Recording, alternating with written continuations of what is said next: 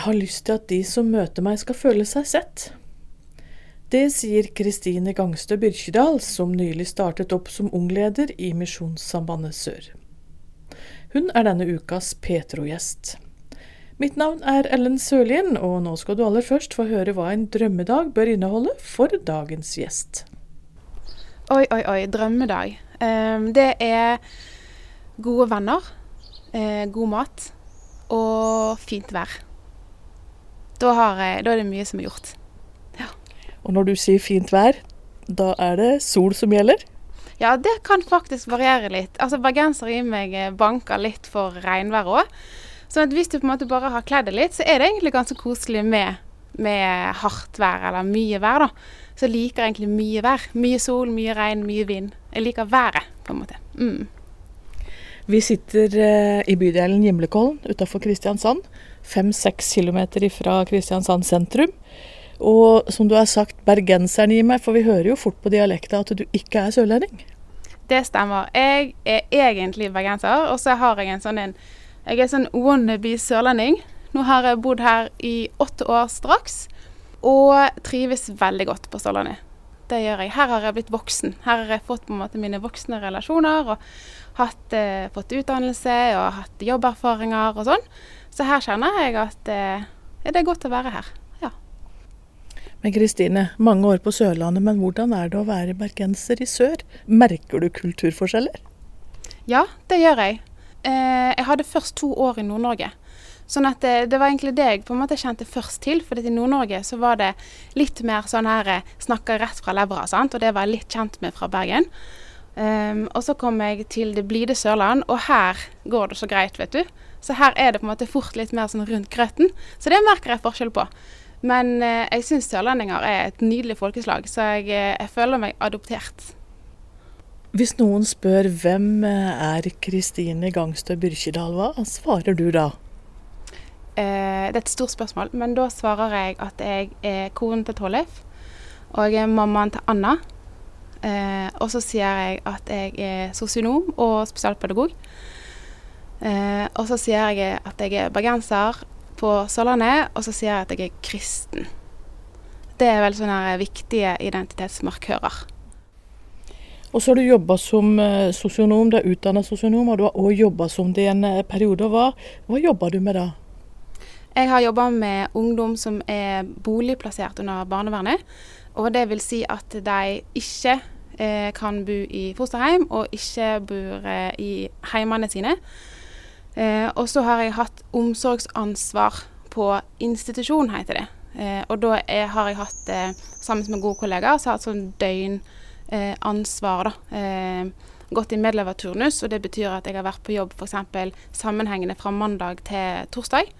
Og da har jeg sammen med kollegaer hatt omsorgsansvar for de ungdommene som bor i den boligen. Eh, og da er det alt ifra å vaske klær og lage middag og støvsuge, eh, bake boller og se på film, eller hente de på byen.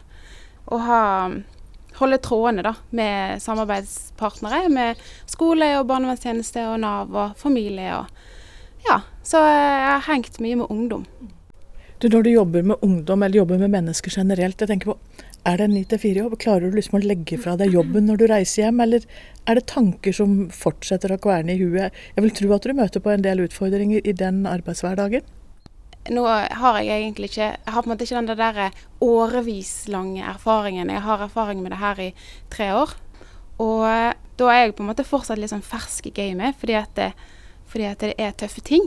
Men så har jeg snakka med kolleger også som sier at du alltid er fersk i gamet i det gamet der, fordi at alle historier er unike. Eh, så hver ungdom og hvert barn bærer med seg sin historie, og den er ny. Så den må du møte med nye øyne. Men jeg har stått mange ganger på kjøkkenet hjemme og grene. For det er tøffe ting. Jeg har ikke klart å legge det fra meg ordentlig på, på jobben. Fordi at det er barn og ungdom som har dårligere kort på hånden som de ikke har valgt sjøl. Og det provoserer meg. Fordi at eh, her er det barn og unge som, som eh, har en lengre motbakke enn andre. Og da må vi hjelpe dem å gå den veien. Um, ja. Så til en viss grad tatt det med hjem, og så forsøkt å eh, ta det med hjem på en konstruktiv måte, sånn at det ikke ødelegger en sjøl. For du kan ikke hjelpe andre hvis du sjøl blir utslitt. Så det er om å gjøre å, følge med, men ikke følge om, da. Og da fører du meg over til for hvem er Kristine utenom jobben? Hva, hva liker du å drive med? Og det er en grunn til at vi sitter ute nå. Det aner meg at du er glad i, i norsk natur, å være ute? Ja, jeg er veldig glad i norsk natur. I fjell og fjord og eh, friluft. Det er jeg veldig glad i. Jeg brukte et år på folkeskole i Alta og hadde et år med friluftsliv. Eh, det var helt magisk. Kjempenydelig. Og eh, Fjellheim bibelskole i Tromsø med disse her fine toppene i Tromsø. Ah, det er flott, altså. Norge det er et vakkert land. Og her på Sørlandet har vi, har vi skjærgården, og vi har solen, og vi har på en måte heiene. og Det er veldig mye fint, altså trives veldig godt ute. Eh, med klatring og kajakk og fjellturer. Og, ja, veldig kjekt. Vil det si at du er oppvokst med å være en del ute på tur og gå på fjellet? Ja, mye oppvokst med dagsturer. Veldig lite sånne her overnattingsturer, på en måte. Men, men eh, en del sånne her dagsturer. da, Så på sommeren så reiste vi gjerne til Besseggen og Galdhøpiggen og disse her eh, litt mer sånn kjente fjellene for å gå de. Og det var liksom destinasjonen for sommeren. At vi som familie skulle gjøre det. Um, og det har jeg lyst til å ta videre med til Anna og datteren min. At det, det å bli glad i naturen, det syns jeg er fint. Ja. Du, Før intervjuet så spurte jeg noen som kjenner deg, eh, hvordan de ville karakterisere Kristine.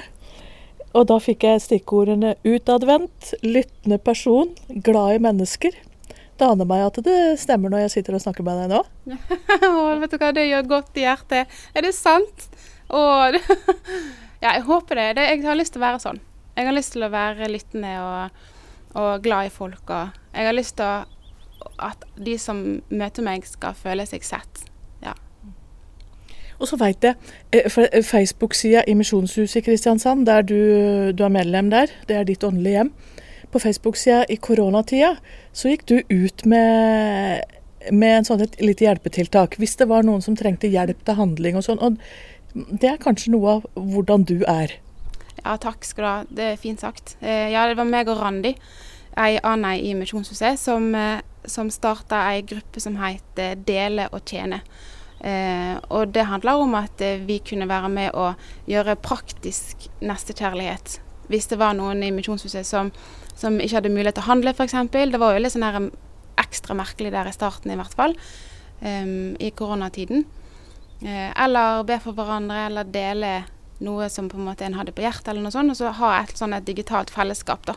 Og det opp, ja, jeg opplevde det som, som fint. Folk ga mange sånn fine tilbakemeldinger på det. Mm. Denne høsten så begynner du som ungleder i Misjonssambandet Sør med base i Kristiansand. Vi skal si litt mer om det seinere, men eh, jeg tenker på dette her med tru, kristen tru. Har du, har alltid vært en, har du alltid kalt deg en kristen? Har du alltid trodd på Jesus? Eh, ja, jeg tror det. Og det er litt sånn rart svar, kanskje. Jeg tror det. Men, eh, men jeg er vokst opp i et kristent hjem og har hatt NLM, eller Misjonssamband, tilhørighet hele livet. Eh, og har vært med i eh, lokallag, altså barnelag, kor, krikk. Hatt ansvar på en måte så tidlig jeg har kunnet. Dratt på leir. Eh, og så var jeg jo på Fjellheim bibelskole etter folkeskolen. Fikk masse fine venner og godt påfyll og god kjennskap på det året der. Eh, og ned her til Kristiansand. Eh, og trives godt i Misjonshuset. Der har jeg både venner og tilhørigheter. Ja. Eh, men så eh, har de siste årene har faktisk vært litt sånn tøffe trosmessig. Eh, for meg og, meg og min mann opplevde å miste to barn. Eh, og det satte en solid støkk i gudsbildet. Um, der jeg på en måte måtte gå noen runder med om Gud egentlig var den han hadde sagt at han var. Er han en du kan stole på når det stormer, for barnet dør jo. Um, og så opplevde jeg at, at eh, Eller det jeg på en måte kjente på, var at Gud gikk forbi.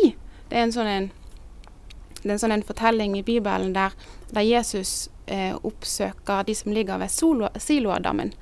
Og de ligger der for å få helbredelse. Og så er Jesus der, og så helbreder han en eh, person som ligger der. Eh, men da ser jeg for meg at han går forbi noen av de andre som ligger der. Og at det ikke er alle som kanskje får helbredelse den dagen. Og det er sånn jeg har opplevd meg, da. At jeg var en av de som Jesus gikk forbi. Um, Og jeg har måttet ta mange samtaler med, med andre kristne og har måttet tenke gjennom tingene og sånn.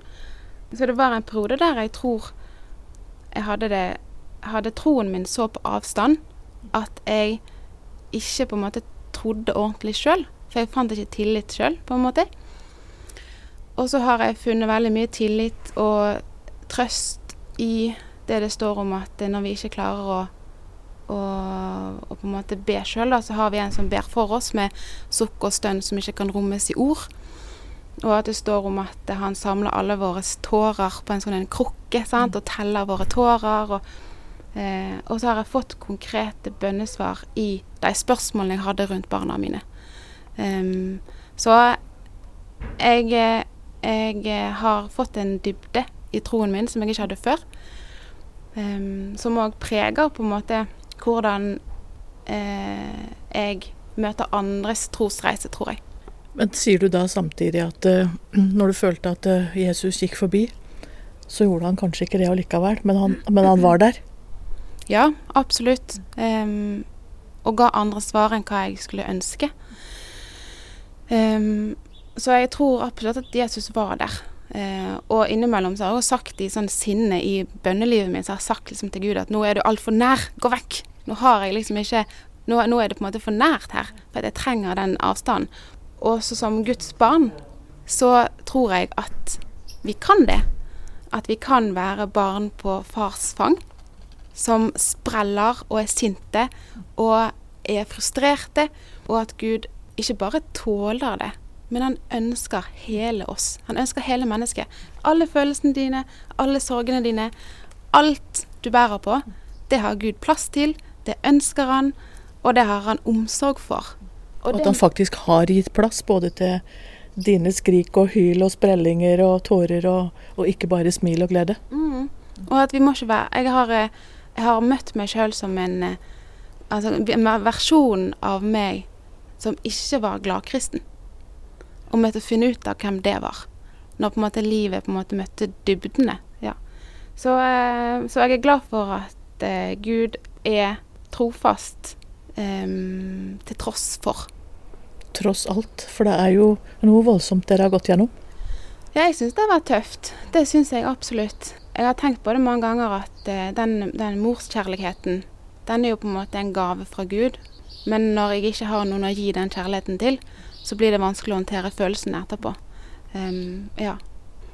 Men så var du vel òg litt inne på dette her. Du, du ble møtt av andre kristne med både omsorg og alvor og kjærlighet. Mm. Og det holdt jeg på å si, å ha, ha noen medmennesker å gå til og når det virkelig stormer i livet, det er jo kjempeviktig i forhold til å måtte bare sitte med det helt aleine og ikke ha noen å snakke med. Mm.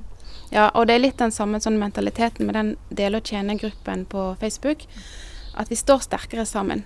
Og alle sammen har et liv å bære. Alle har byrder. Alle har tunge tanker. Alle har på en måte relasjoner som svikter. Alle har håp som ikke blir sånn som en skulle tenkt og, og trodd. Og vi er Kristi kropp. Vi skal trøste hverandre. Vi skal være der for hverandre, bære hverandre. Men hvis ikke vi på en måte oppsøker hverandre i ærlighet, i kjærlighet, i vennlighet, så er det jo vanskelig å bære for hverandre òg. Og for min del så opplevde jeg det på en måte å tørre å ikke være så innmari sterk, men å på en måte bare være eh, så svak og nedbrutt som jeg faktisk var, og så be om hjelp. Og så sto jo folk klar og parat og ville bære. Og det er verdifullt. Um, og da kommer det òg det sosialfaglige inn, det som jeg har tatt utdanning innenfor. da. Det å være på en måte eh, lyttende mennesker når livet stormer, men med et godt gudsbilde over. Eh, og at vi som kristne kan, kan, trene oss i sånne samtaler som har betydning, og som kan ha betydning for evigheten. Bry oss om hverandre. Altså gå inn og spørre hvordan har du det egentlig? Er du ensom? Kan jeg gjøre noe for deg? Ja. Og være liksom litt mer sånn eh, livbøye for hverandre, i større grad kanskje. Du har kanskje allerede sagt det, men du har fått en dypere tro, sier du. Og jeg har lyst til å spørre deg, hva betyr trua di i dag for deg? Um, nå så uh, betyr det eh, trygghet og eh, uro. Jeg har ikke landet alle steinene. Og det tror jeg det er plass til. Jeg tror det er plass til det hos Gud. Vi må ikke ha alle svarene. Jeg var mye mer sånn For noen år siden så var jeg mye mer sånn eh, fast bestemt. Jeg vet svaret på det her. Det her kommer til å gå sånn, og sånn og sånn tenker Gud. Og jeg kan dette og dette bibelverset, så det går bra. Nå har jeg flere spørsmål. Nå har jeg flere tanker rundt ting, og det tror jeg er en styrke, altså. Du kan ikke putte Gud i en boks. Og han er verken bare medlem av NLM norsk eller født på Sørlandet. Han er bolivianer, han er kineser, han er global, da. Um, og Bibelen passer i alle situasjoner, og det er veldig interessant. Det er veldig fascinerende. Men så betyr òg troen min trygghet, for jeg har fått en sånn en ny tillit til at det, det er plass til hele meg. Jeg trenger ikke på en måte vite alt, eller jeg trenger ikke på en måte å forstå alt, eller Jeg trenger på en måte ikke aldri ha tvil som på en måte skjærer liksom på dypet.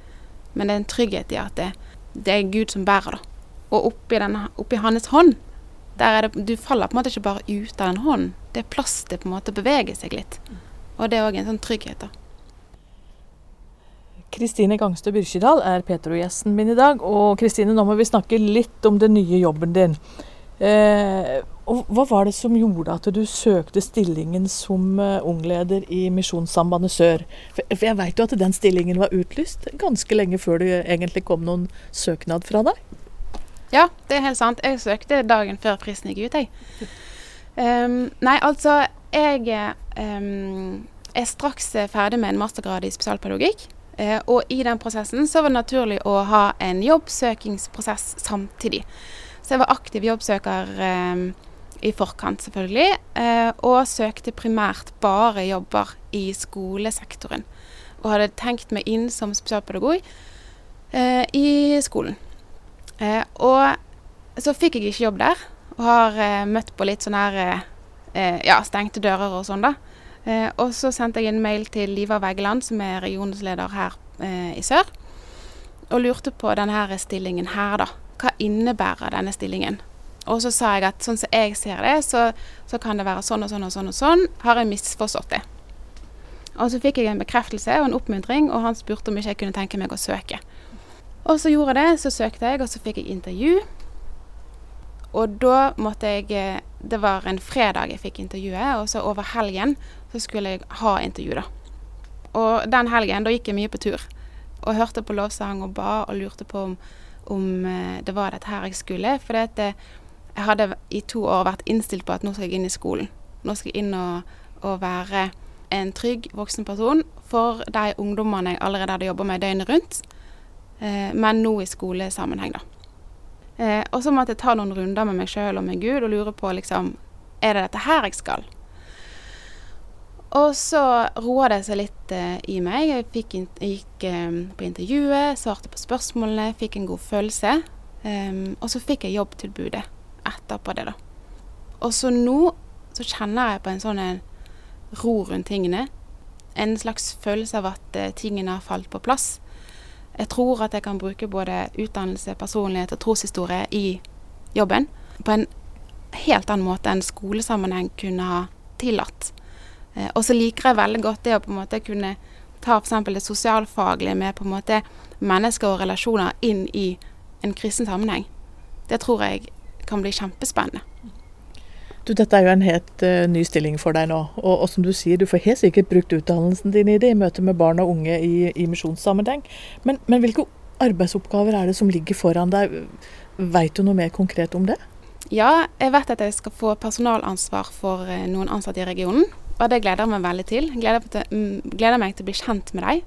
Og høre hva de har lyst til, og hva de holder på med, og hva de ser for seg og sånn. Og så gleder jeg meg til å reise rundt og bli kjent med ulike lag og, ungdommer og leirarbeid og konfirmantarbeid. Og det er mye som på en måte rører seg, og det er mye som eh, kan eh, som blir bra å bli kjent med. da. Eh, og så har jeg en sånn tanke om at det var kjekt å eh, komme inn på de digitale frontene, og kanskje eh, etablere noen sånne plattformer der, da. Du har sagt noe om oppgavene nå som du, som du, skal inn i. Og dette å reise rundt, møte barn og unge, uh, møte de i lag, foreninger, leir.